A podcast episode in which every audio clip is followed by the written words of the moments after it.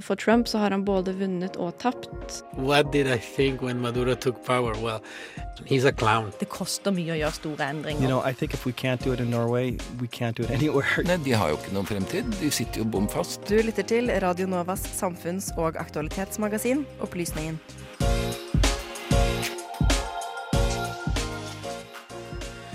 Russerne flokket denne uken til valgurnene. Og tross nedgang i oppslutning er Putin fortsatt dominerende. Men hva er det egentlig som har skjedd i det store landet til øst? FN slapp rett før det norske valget en klimarapport som fortalte oss at en rekke av klimaendringene nå har blitt irreversible. Hva om framtidsutsiktene nå er så skrekkelige at man velger å ikke få barn? Populisme har blitt et ord som ofte slenges rundt i politiske debatter. Hva er det egentlig?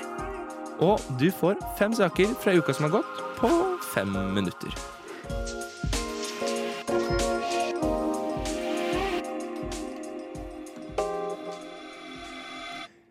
En god fredagsmorgen ønskes deg der du sitter benket foran radioen. Det er fredagsmorgen som jeg nettopp nevnte.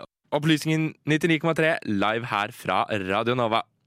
Sander Zakaria, det heter jeg, og gjennom den neste timen skal du få en rekke samfunns- og aktualitetssaker fra hele verden. Og det er en enorm oppgave å ta på seg av seg sjøl, så jeg er glad for at jeg ikke skal løse den helt aleine. For med meg i studio så har jeg Lise Benus, god morgen. God morgen. Og Daniel Johansen, god morgen til deg òg. God morgen. Og Lise og Daniel, vi setter oss ned ved bordet på Restaurantopplysningen. Hva er det som står på menyen? Jo, Sanna, vi skal innom Russland. Der har det nylig vært valg, men hva betyr valgresultatene egentlig? Og vi skal lære mer om det vanskelige begrepet populisme. Det høres virkelig ut som en actionpakket sending, hele greia. Men før vi begynner med noe av det, skal vi få litt deilig Nova-musikk. Frøkedal de sniker seg inn i mine ører, og låta heter Dreamer. God dag og god fredag. Hjertelig god fredag morgen. God morgen, god morgen, god morgen og god morgen. God morgen og velkommen til Opplysningen, Radio Nova sitt samfunns- og aktualitetsmagasin. Med opplysningen 99,3 på øret, ja, da blir det en god fredagsmorgen. Opplysningen 99,3. Hver fredag fra 10 til 11 på Radio Nova. Det er ikke bare meg, håper jeg, der ute som kjenner at morgenroen senker over meg når jeg hører denne jingeren. Men vi skal ikke forholde oss rolig så veldig mye lenger, for klima det er mildt sagt en het potet for tiden, Lise. Det stemmer, Sander. Klima og miljø det påvirker oss på mange forskjellige måter. I 2019 så slo Mental Helse Ungdom alarm om at det var mange unge som sleit med klimaangst. Og i både 2019 og 2020 ble det avholdt flere store klimastreiker over hele Norge. Og da kan man kanskje stille spørsmålet som Sebastian Hagel stiller. Er det riktig å fortsette å få barn når man ikke har troen på at verden blir et godt sted for dem å vokse opp? Dette spørsmålet møter en rekke unge folk, kanskje spesielt nå i kjølvannet av FNs klimarapport, som fortalte oss at en rekke av klimaendringene nå har blitt irreversible. På den andre siden har man Erna Solbergs oppfordring fra nyttårsaften 2018, da hun ba oss nordmenn få flere barn for å bevare den norske velferdsmodellen også i fremtiden. Men hva om fremtidsutsiktene ser så skumle ut at man ikke ønsker å utsette fremtidige generasjoner nettopp da for fremtiden? Dette var bl.a. tanken bak birth strike-bevegelsen den britiske artisten Blythe Pepino startet i Storbritannia. Her kunne mennesker som ikke ønsket å få barn pga. usikkerhet knyttet til klima, samles og diskutere bl.a. over nettet. Enkelte ønsket ikke å få barn nettopp som et klimatiltak, i og med at færre mennesker også vil bety lavere klimagassutslipp. Andre derimot ønsket ikke å få barn pga. en annen moralsk overbevisning, nettopp det at det er knyttet stor usikkerhet rundt hvor levbar jorda kommer til å være i den nærmeste fremtiden. Man kunne også nylig lese på nrk.no om Oslo-jenta Sanna, som ønsket å sterilisere seg for miljøet, fordi det ikke så ut som det kom til å komme noen gode løsninger på klimakrisen. Dermed vil hun heller ikke bidra til at klimaet blir enda mer belastet. Frivillig barnløshet på bakgrunn av en krise slik som klimakrisen er kompliserte saker. Jeg dro derfor til Universitetet i Oslo og fikk hjelp til å drøfte denne måten å tenke på miljøet på. Jeg heter Arne Johan Vetlesen. Jeg er professor i filosofi ved Universitetet i Oslo. Og tidligere jobbet jeg mest med ondskap og folkemord. og den slags elendighet. Og de siste årene har jeg jobbet mest med miljøfilosofi av klimakrisen og, og naturtap. Jeg og Arne Johan begynte å snakke om hva dette er et uttrykk for. Er det å ikke ønske barn inn i fremtidens verden et uttrykk for en pessimisme? At politikere og offentligheten ikke kommer til å klare å løse dette? Eller nærmest en slags håpløs nihilisme? Noen unge mennesker i dag, vi vet kanskje ikke, ikke sant, hvor stor andel, men det er jo noen som eh, tydeligvis gjøre opp en sånn status, da. Eh, når de nå er eh, i den alderen at de skal ta stilling til om de vil ha barn. Hva slags verden er det de da vil sette barn inn i? Og hvordan blir eh, oppveksten og livet for disse barna når man tenker igjen to generasjoner fremover. Og de som da konkluderer med at de ikke vil ha barn, kan man jo si uttrykker pessimisme angående hvordan den fremtiden blir. At uh, den blir farlig og utrygg og alt mulig sånt negativt. Og at de da ikke ønsker å sette sine barn inn i det, men på en måte vil spare dem for det. Samtidig så er jo det å ikke ville få barn et veldig sterkt sånn statement overfor samtiden. Og vi kan også si overfor uh, foreldregenerasjonen nå, om du vil, eller de som er voksne og har makt og myndighet nå. ikke sant? At uh, dere har satt meg eller oss i en situasjon hvor vi faktisk tar inn over oss hvordan verden ser ut til å komme til å bli. Den som dere overlater til oss. Og den syns vi ser så ille ut at vi liksom ikke engang vil gjøre det som har vært naturlig i uminnelige tider for mennesker. At uh, nye generasjoner setter barn til verden og, og knytter håp og mening til, til det fristende da ikke sant, å si det at de uttrykker det pessimismen, og, og hvis du bruker også ordet nihilisme, da, så vil jeg kanskje problematisere det litt, om det er veldig treffende betegnelser. For jeg kan tenke meg at uh, de unge menneskene det handler om, som tar et sånt drastisk valg, vil si at nei, for det første, vi er realister. Vi bare tar eh, vitenskapen, forskningen og de mest sannsynlige scenarioene om hvordan dette skal bli fremover, på alvor. Så å si vi tar det på ordet. Eh, og nihilisme? Nei, overhodet ikke. Tvert imot. Eh, vi tar ansvar. Og det er på en måte det motsatte av det som eh, assosieres med nihilisme. Eller altså at man ikke gir noen verdi eller, eller noe alvor til noe som helst. Ja. Så det er en veldig ansvarsbevissthet, kunne man si, da, som de tar på seg og igjen, liksom, i ung alder, i en situasjon som de helst skulle sluppet å stå i in the first place. Så sånn etisk sett så, så, så, kan jeg tenke meg å si at det står veldig respekt av det. For det Ja, det er også det med å sterilisere seg er jo en sånn sett ikke sant, uopprettelig handling. Det er liksom det man tenker om det, i hvert fall. Vi vet ikke om det kommer noen teknologier eller Men liksom intensjonen i det er at jeg bestemmer meg nå i ung alder for at jeg aldri skal få eller kunne få barn. Eh, og jeg tenker det alvoret som ligger i det, eh, påkaller respekt uten at man dermed er, enig i det og ville velge det samme selv. Eh, det syns jeg det gjør, og, jeg tenker at det gir en beskjed til liksom voksenverdenen da, om å, å, gå i seg selv. Liksom, og, hvordan i all verden har de, har de, kommet i en sånn situasjon? Og jeg vet ikke om det er noen historiske paralleller man kunne sammenligne med. Noen ganger når det er snakk om uh, hvor stor krise er egentlig klimakrisen, eller hvor, hvor, farlig ser fremtiden ut nå sammenlignet med tidligere, og da er det mange som kommer trekkende med, med Cuba-krisen på begynnelsen av 60-tallet. Altså at verden var veldig nær uh, ja, sannsynligvis atomkrig da, ikke sant? mellom eh, Sovjet og USA den gangen. Uh, og da snakket man jo om uh, Jeg vet ikke om du brukte det ordet men altså en slags sånn atomkrigsfrykt. da, ikke sant? Som kanskje vi kan tenke tok nattesøvn fra de som var barn den gang. I den grad de fikk med seg at det var en så farlig situasjon. Et eksempel man også kan trekke frem fra den kontemporære digitale verden, er nettforumet r slash antinatalism på Reddit, hvor 121 000 medlemmer presenterer hvorfor de syntes det å få seg barn er feil, gjennom, såkalt, gjennom et såkalt antinatalistisk perspektiv. Antinatalismen er ifølge forumet selv en filosofisk retning som assosierer en negativ verdi til barnefødselen. Som det står i forumets regler, those who assign a positive or ambivalent value to birth are not welcome here. BBC trekker frem miljø og overbefolkning som to av flere grunner til at antinatalister ikke ønsker flere barn velkomne til verden. Arne Johan trakk frem Cuba-krisen og atomkrig som potensielle kriser som kan ha spilt en rolle i å endre menneskers holdning til det å bringe liv til verden. Men den konkrete skalaen ligner ikke på hva vi kan se nå, i respons til den unike klimakrisen.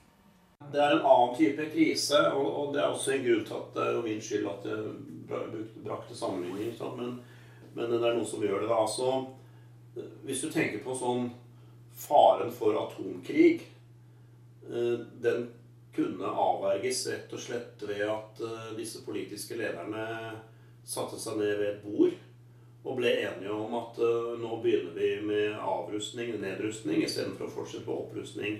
Og det skjedde jo på 80-tallet. Og muren falt i 89 og alt dette som vi vet. ikke sant? Så, så, det er da en type fare som var veldig reell og, og plagsom og alt mulig sånt noe. Psykologisk og på alle måter. Den gangen det sto på. Men det er allikevel en type fare eller krise som kunne løses på sånn konvensjonelt politisk vis. da. Forhandlinger, kompromisser, enighet. Og da fikk man faktisk en situasjon som, som de fleste nå vil si er blitt mindre farlig enn den var. Ok, Så litt sånn fare over da på det. Med klimakrisen så er det helt annerledes. Vi har, vi har, sluppet ut så mange farlige klimagasser. Eh, vi har ødelagt så mye naturhabitat. Vi har allerede satt i gang utryddelse av så mange arter. Alle disse prosessene er satt i gang liksom i den fysiske naturen. Og særlig det med temperaturstigning er prosesser som kommer til å gå sin gang med det de kaller sant, sånn selvforsterkning, da, som naturviterne kaller det. Selv om vi slutter alle utslipp i morgen. Så, så det, er noe, det, er et helt annet sånn, fremtidsperspektiv å ta inn over seg. da. Altså, Hva kan man håpe på? Man, man kan håpe på at uh, de kommer til enighet nå i Glasgow om seks uker. Ja, hva vil det innebære? Jo, da skal landene gjøre mer da, for å nå halvannen gradsmål og sånn og sånn. Men forskerne de tror ikke at vi kommer under halvannen grad, hvis du spør dem på kammerset. De tror ikke heller at vi kommer under to grader. Så, så det er det når unge mennesker tar, tar det inn over seg, at det egentlig er realisme. da. Det er egentlig det mest sannsynlige. Um, ja, så da, da er det ikke en type fare eller krise som, som er mer sånn forbigående. Og hvor vi kan tenke oss at vi i hvert fall i nær fremtid vil komme fra en situasjon hvor dette er veldig farlig, til at det ikke er farlig lenger. Reporter i saken var Sebastian Hagel, og research var ved Veronica Elvart. Straks videre til eh, Russland, men før det så får du Myra. Låta heter Svart Lamborghini. Opplysningen hver fredag mellom klokken 10 og 11 på Radio Nova. Aldri redd, alltid balansert. Opplysningen.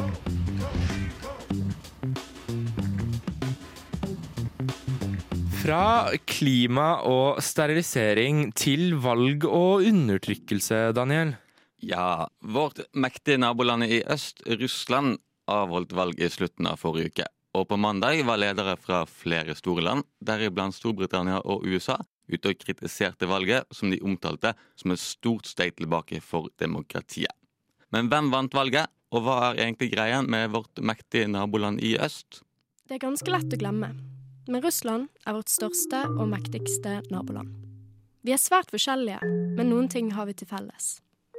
I begge land er det borgerne som utpeker statsleder. Slik er det i alle fall på papiret. Etter store protester tidligere i år ble det spådd en intens politisk høst i Russland. Siden mandag har folk i alle verdens hjørner forsøkt å tolke det rikende ferske valgresultatet. Hva skjedde egentlig da russerne gikk til valglokalene? Det er mange de som tolker valget utenfra.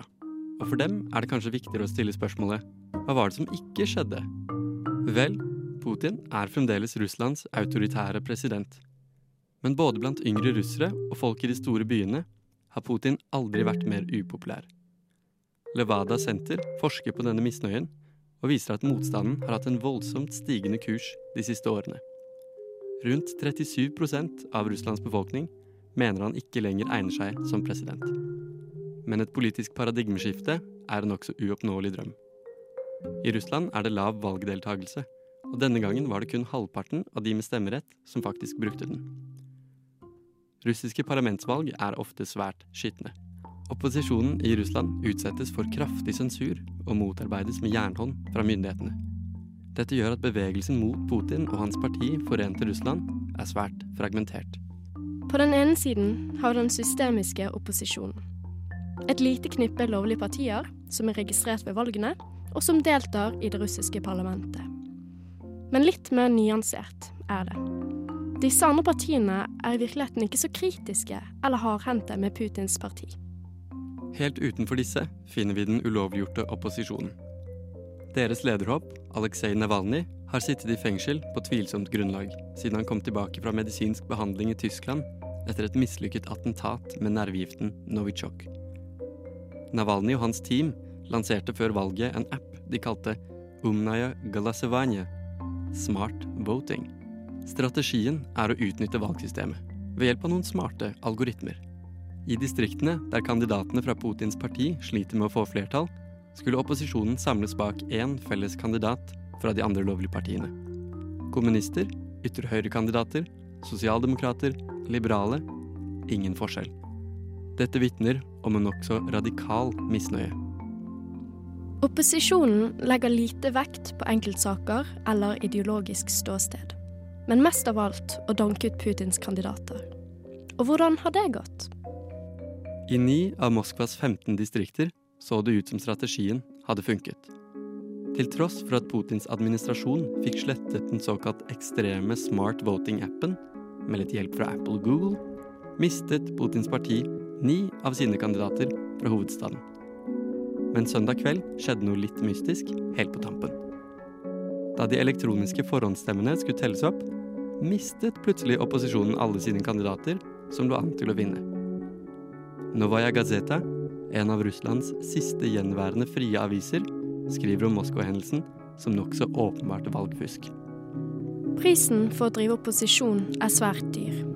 Tidligere i vår ble Navalnyjs team stemplet som ekstremister av myndighetene, og havnet på Russlands liste over terrororganisasjoner sammen med IS og Al Qaida. Dette mener Putins tilhengere er helt nødvendig.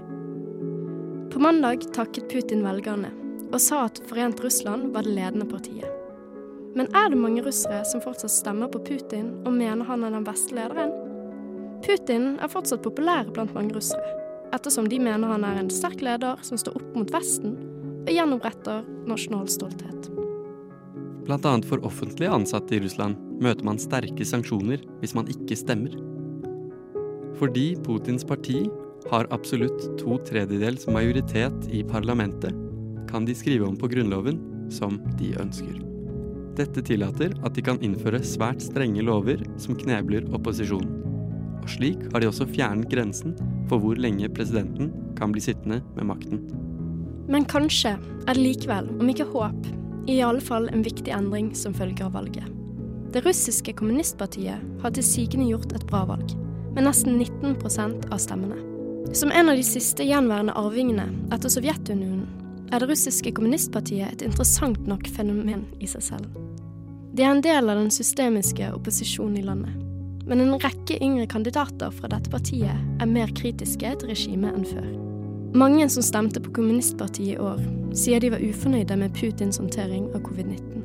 Og vel så viktig ble drevet fram til valglokalene av smart voting-appen. Det tyder på at begge deler av opposisjonen går inn for å øke sin aktive deltakelse i politikken, enda systemet er urettferdig og udemokratisk. Valgdeltagelsen varierer enormt fra provins til provins. I republikken Tsjetsjenia stemte 94% av innbyggerne, og Putins parti fikk der hele 96,13% oppslutning. I mer utadvendte, vestlig orienterte deler av landet er bildet helt annerledes. I St. Petersburg var det bare 37% som i det hele tatt dro til valglokalene. Det er helt tydelig at det finnes masse motstand internt i Russland. For opposisjonen blir utfordringen nå fremover å mobilisere sine egne velgere for å svekke Putins maktfundament. I et ellers dysfunksjonelt demokrati finnes det fortsatt håp om å kanskje en dag sende Russland i en helt annen kurs. Reportere i saken var Benjamin Nordtømme og Helena Schürler.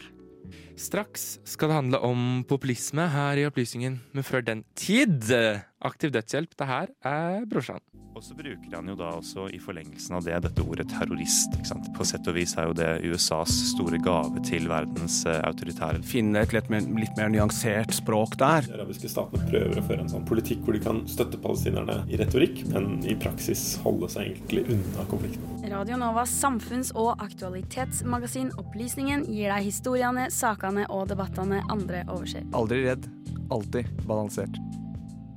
Vi holder oss på kontinentet litt til, eh, men denne gangen så skal vi ikke til en konkret hendelse i nyhetsbildet, men heller snakke om tja, la oss kalle det en bevegelse i Europa.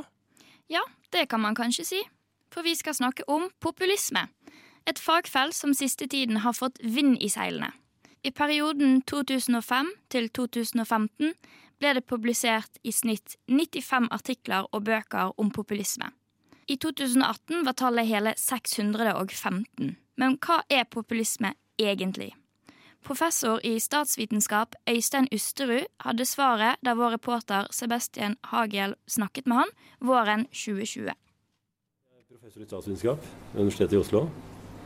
eh, Og eh, jobber med spørsmål omkring eh, stormaktspolitikk og nasjonal suverenitet og sånt, i hovedsak. Du jobber med populisme. Ja. Hvordan definerer du da begrepet?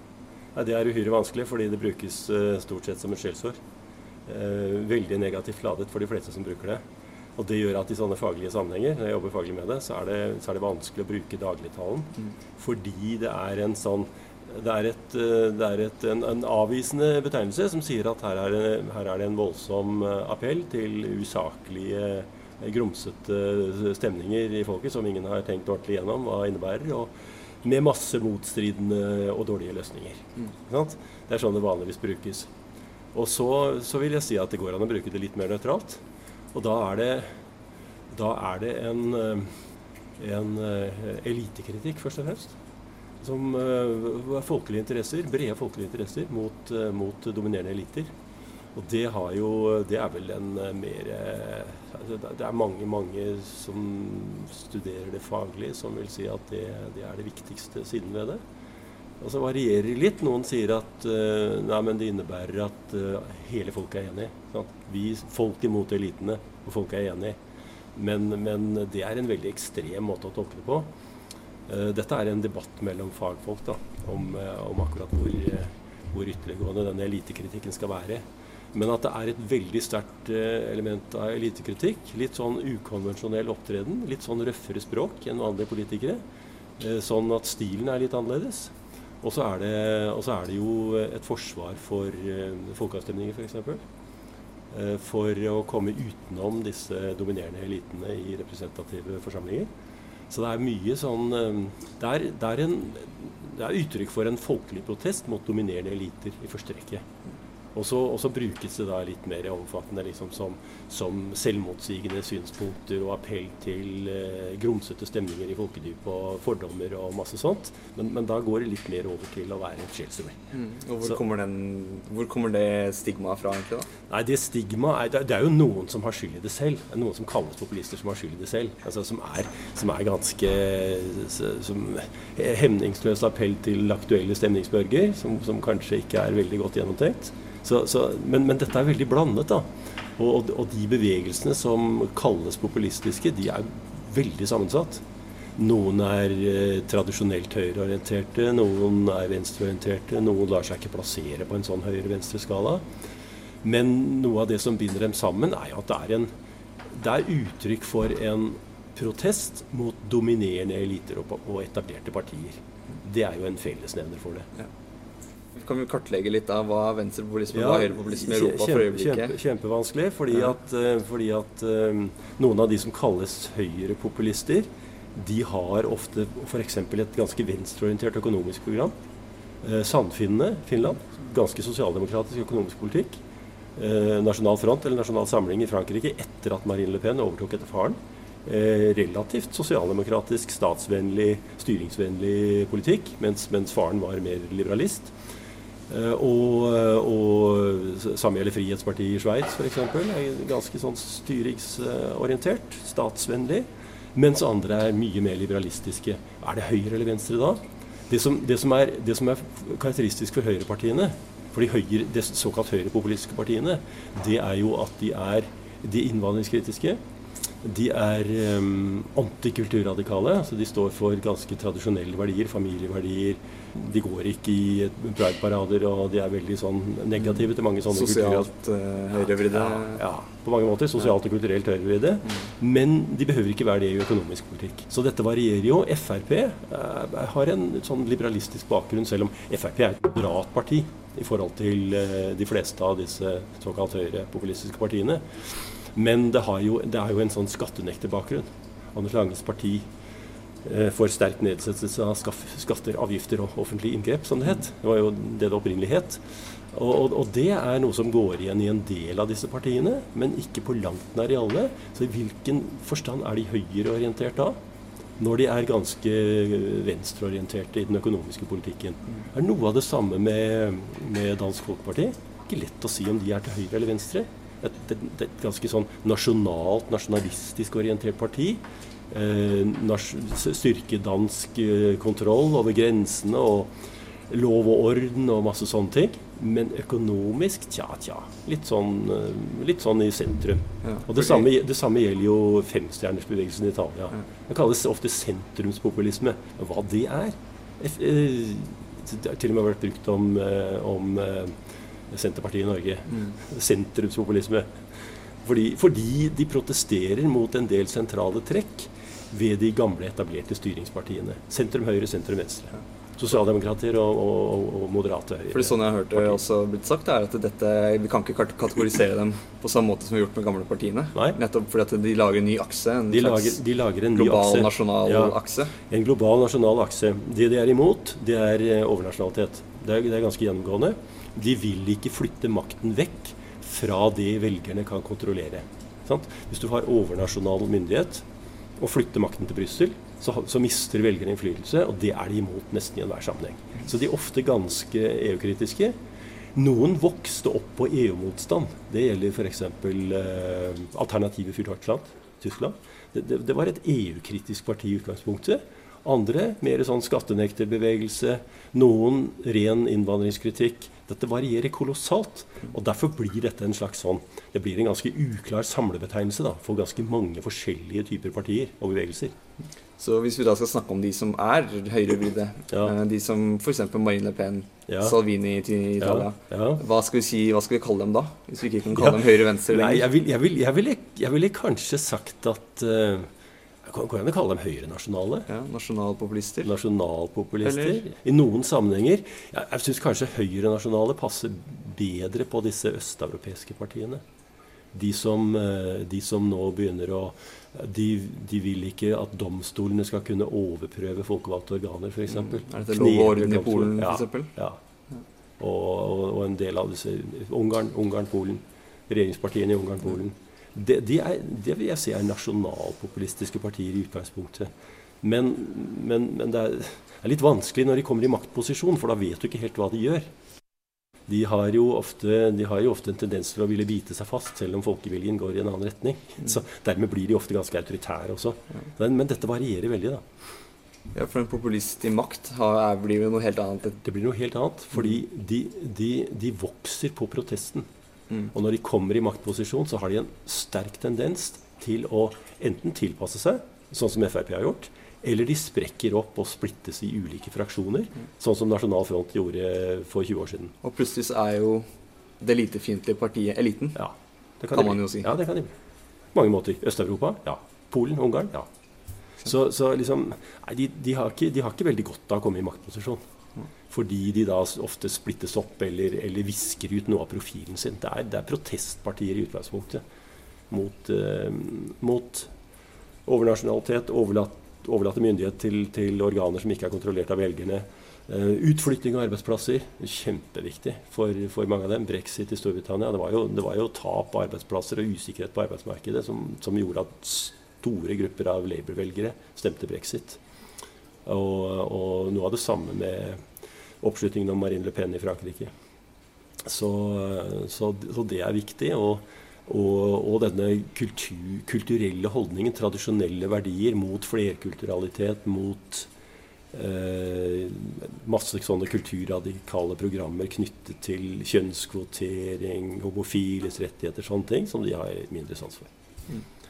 Da, det at vi står nå overfor et Europa med populister i nærmest alle land, ja. gjør det noe? Er det farlig? Er det noe Nei, da må vi skille veldig klart. fordi noen, noen Når du snakker om høyrepopulistiske partier, så er det noen som regner med det som kalles de høyreekstreme. Og det er de antidemokratiske. Altså de, de voldelige de mer sånn fascistisk, rasistisk orienterte åpent går til angrep på innvandrere og går til angrep på folk som ikke er enig med dem. Det er, eh, men det er gjerne noe annet. Altså. De, de, de, partiene som slåss om, om, regjeringsmakt eller om en stor plass i nasjonalforsamlingen, de aksepterer jo de parlamentariske spillereglene. Men så ha, kan de ha noen ytterfløyer som er, som er mer ekstremistiske. Og, og, de, og, og, de, må også skilles fra noen bevegelser som står langt ut på, på en mer sånn fascistisk, eh, rasistisk orientert fløy, og bruker vold for å oppnå det de vil. Det, jo, altså det, det landet i Europa som har mest høyreekstrem vold, det er Sverige. Det er jo litt paradoksalt, men det er det. Er mer enn i noe annet land. Og det er, og det er, og det er, det er grupperinger utenfor Sverigedemokraterna. Selv om Sverigedemokraterna har noe av de samme røttene, så har de distansert seg fra det. Velgerne deres ligger stort sett ikke der nå. Nå er de blitt så store. Mens du har en rekke sånne ekstreme yttergrupper. Så, så det er noe litt annet eh, enn de partiene som har gått inn i eh, parlamentariske organer og kjemper om oppslutning i valg. Det er, eh, det er viktig å skille det litt fra hverandre. Selv om, selv om de liksom, i ytterfløyene kan de, kan de flyte litt sammen. Og gjerne ha en sånn bakgrunn. Interessant med Nasjonal Front, eller Nasjonal Samling som det heter nå, i Frankrike. Det begynte jo med noen sånne små høyreekstreme grupperinger, ytre høyrefløy i fransk politikk. Som eh, de som fortsatt sloss for et fransk Algerie og liksom masse sånne ekstreme eh, fransk nasjonalistiske krav. Eh, og så er de etter hvert vokst seg store, og så har de tilpasset seg, og så er de blitt mye mer moderate. Og Marine Le Pen la om som jeg sa, la om den økonomiske politikken i mer sånn slags sosialdemokratisk retning da hun kom til makten. Og til og med ekskluderte til og med faren. Så, liksom, så dette er, det er varierende bilde. da. Det er jo viktig å få med. Det var altså professor i statsvitenskap Øystein Østerud som snakket med vår reporter Sebastian Hagel våren 2020. Vil du høre mer fra denne samtalen om Europas populister? Da kan du sjekke ut podkasten med hele intervjuet med Øystein, som ligger i Opplysningens podkastarkiv. Der finner du òg hele 504 episoder om samfunn og aktualitet. Vi er Opplysningen. Vi, uh, er opplysningen. Vi, uh, vi skal unne oss en liten en liten musikalsk pause. Når vi er tilbake, er det duka for Fem på fem. Men dette er Pikekyss Men det som også er rystende, er på en måte at hvor mye av det som i 2011-2012 opplevdes som helt vanvittig, det er liksom gått inn i et slags sånn politisk hverdagsspråk nå. Veldig mange av de holdningene. Radio Novas samfunns- og aktualitetsmagasin gir deg historiene, sakene og debattene andre overser. Aldri redd, alltid balansert.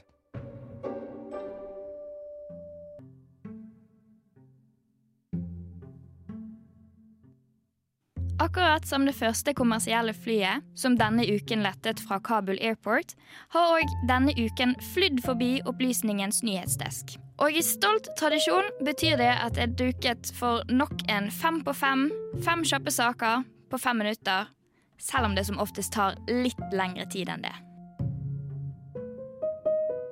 Vi dykker ned i første sak. Det ble mildt sagt furore i Frankrike forrige uke, og sentralt i striden står ubåter. Frankrikes utenriksminister gikk forrige uke ut og sa at han følte seg dolket i ryggen. Grunnlaget for dette var at Australia i 2016 bestemte seg for å kjøpe tolv ubåter av et fransk selskap til den nette verdi av over 550 milliarder norske kroner. Dette høres jo i det hele tatt ut som Frankrike har gjort en rådeal, så hvor kommer Ursula inn i dette undersjøiske eventyret? Forrige uke annonserte Australia, Storbritannia og USA at de hadde inngått en ny sikkerhetsavtale med det freshe navnet AUKUS.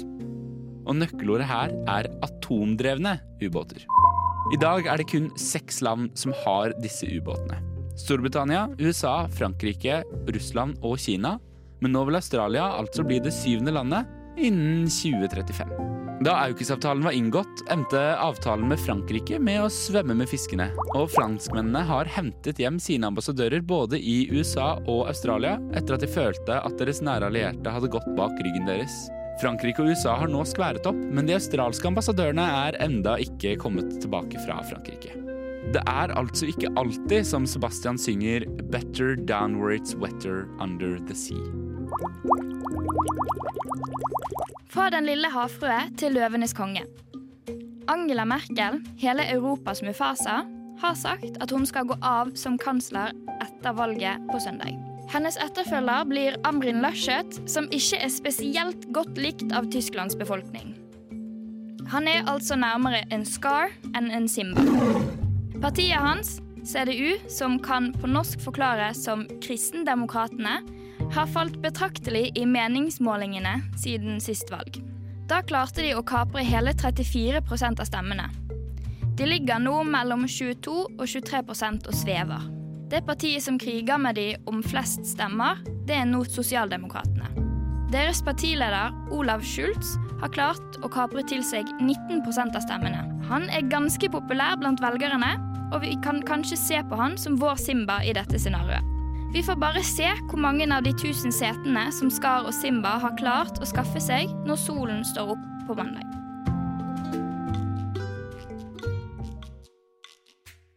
Fra valg i Tyskland til valg i Canada.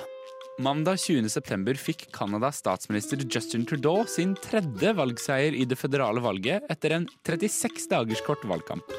Valgdatoen var planlagt til oktober 2023, men ble framskyndet da Trudeau for en drøy måned siden ba generalguvernøren, altså den 93 år gamle canadiske monarkens representant, om å oppløse det 43. parlamentet, der han manglet 15 mandater for å danne en flertallsregjering. BBC melder at dette valget var det dyreste i landets historie og kostet drøyt 4 milliarder norske kroner. Trudeaus parti vant hele tre ekstra seter, som ifølge Opplysningens utregning har hatt en stykkpris på 1,3 milliarder kroner per sete. Utgiftene har høstet kritikk fra lederen for Canadas konservative parti, Erin O'Toole, som om du skulle lurte, er en mann. Men Lise, ba ikke jeg deg om å skru av lyden på telefonen din? Jo, sorry, men jeg må nesten svare på denne. Det er viktig. Men Hvis det er så viktig, så får du sette på høyttaler, sånn at vi alle får høre. Jo, greit, men da får du være stille. Hallo? Hei, Lise. Det er Lise. Å, hei, Lise.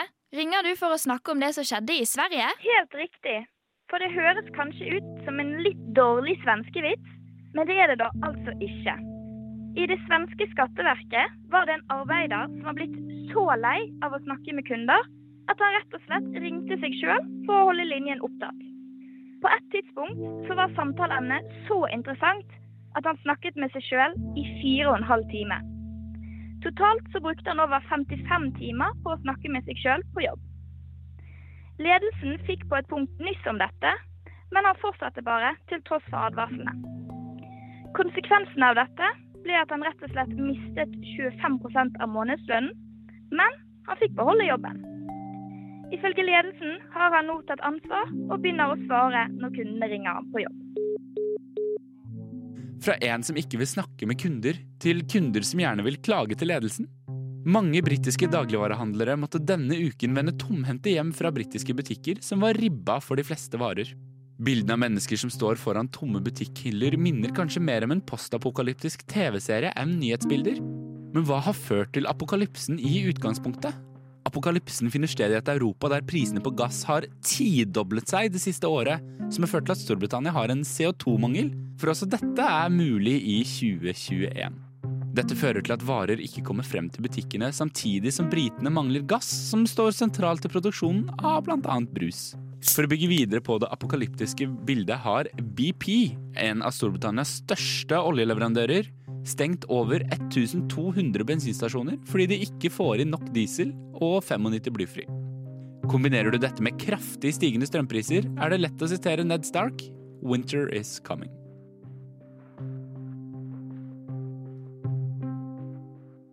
Bak Ukens Fem på fem står fantastiske Lise Venus, Amalie Sundby og Sander Zakaria.